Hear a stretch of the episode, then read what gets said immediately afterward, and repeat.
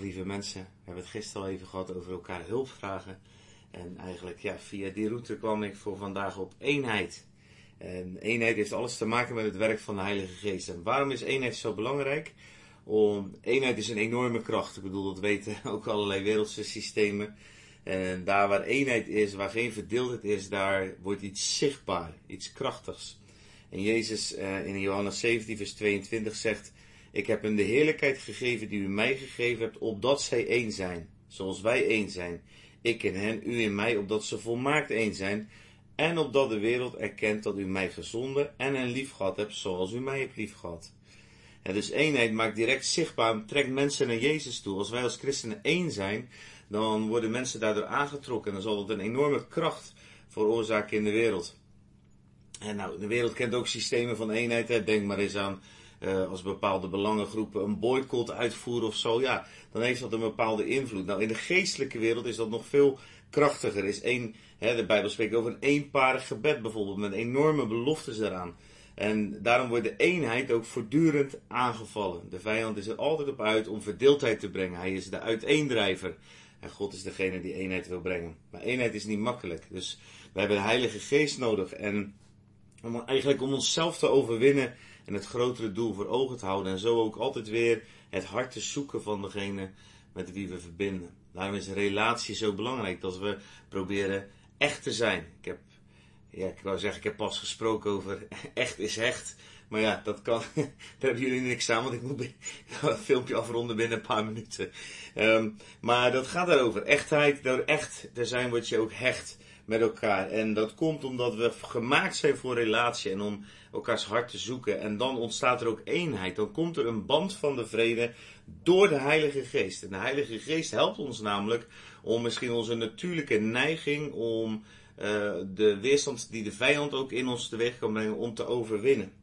Er staat prachtige tekst in Efeze 4, vers 2 tot 4. Er staat: In alle nederigheid en zachtmoedigheid met geduld door elkaar in liefde te verdragen en u te beijveren om de eenheid van de geest te bewaren door de band van de vrede. Eén lichaam, één geest, zoals u ook geroepen bent tot één hoop van uw roeping.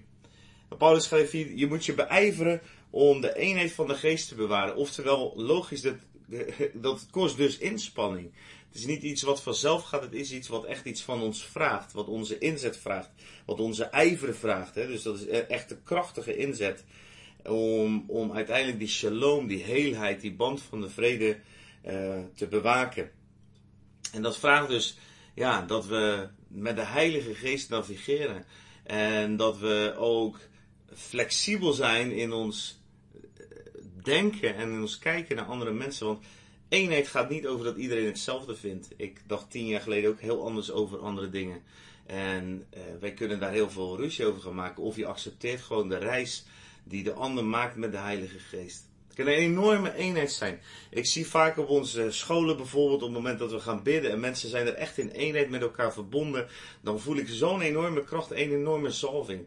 Als we de band van de geest, hè, dus ik bedoel niet de gekunstelde eenheid die sommige kerken wel eens kiezen van nou dan moeten we maar samen een dienst doen enzovoort. Nee, maar echt de eenheid van geest waar mensen het opzoeken. En neem bijvoorbeeld plek als uh, opwekking of uh, vrij zijn of ja, we hebben dat vaak bij onze eigen revival events gezien, waar mensen vanuit allerlei uh, kanten toestromen en met een eenheid van geest met elkaar verbonden zijn. Daar kan God zo krachtig werken. Daar komt Gods vrede, daar komt Gods kracht. En daar wil ik jullie vandaag ook een challenge mee geven. En dat is een challenge die misschien best wel even ja, wat kan prikken. En voor sommige mensen gaat dit echt een keuze zijn waar je doorheen moet beuken om uiteindelijk ook een stuk van die vrede terug te krijgen die geroofd is in je leven.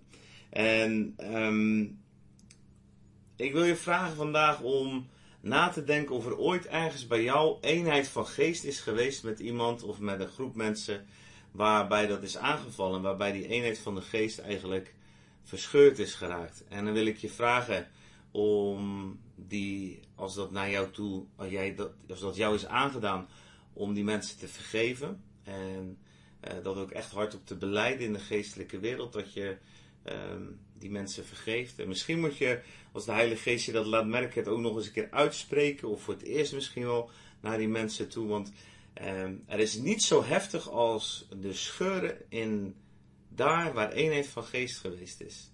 Ehm, als, je, als je wel eens meemaakt dat de gemeente scheuren, dat doet zoveel pijn, dat brengt zoveel rouw. Mensen zijn soms tientallen jaren daardoor beschadigd, omdat de band die er was van eenheid van de geest, de Heilige Geest die ons één maakt, die ons met elkaar verbindt, omdat die is verscheurd geraakt. Dus ik wil je aanmoedigen om vergeving aan te bieden, maar ik wil je ook aanmoedigen om vergeving te vragen. Daar waar jij misschien wel degene geweest bent die de band van de eenheid heeft beschadigd. En de Heilige Geest zal je helpen om mensen te binnen te brengen.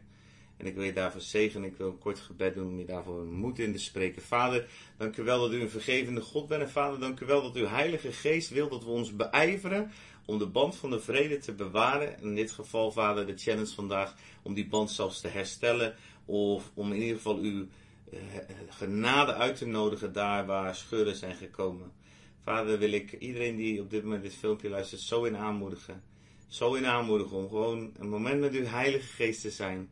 Die altijd liefde brengt, die altijd vertrouwen brengt. Vader, zodat we grote stappen zullen zetten. Zodat er meer ruimte voor u komt in onze levens.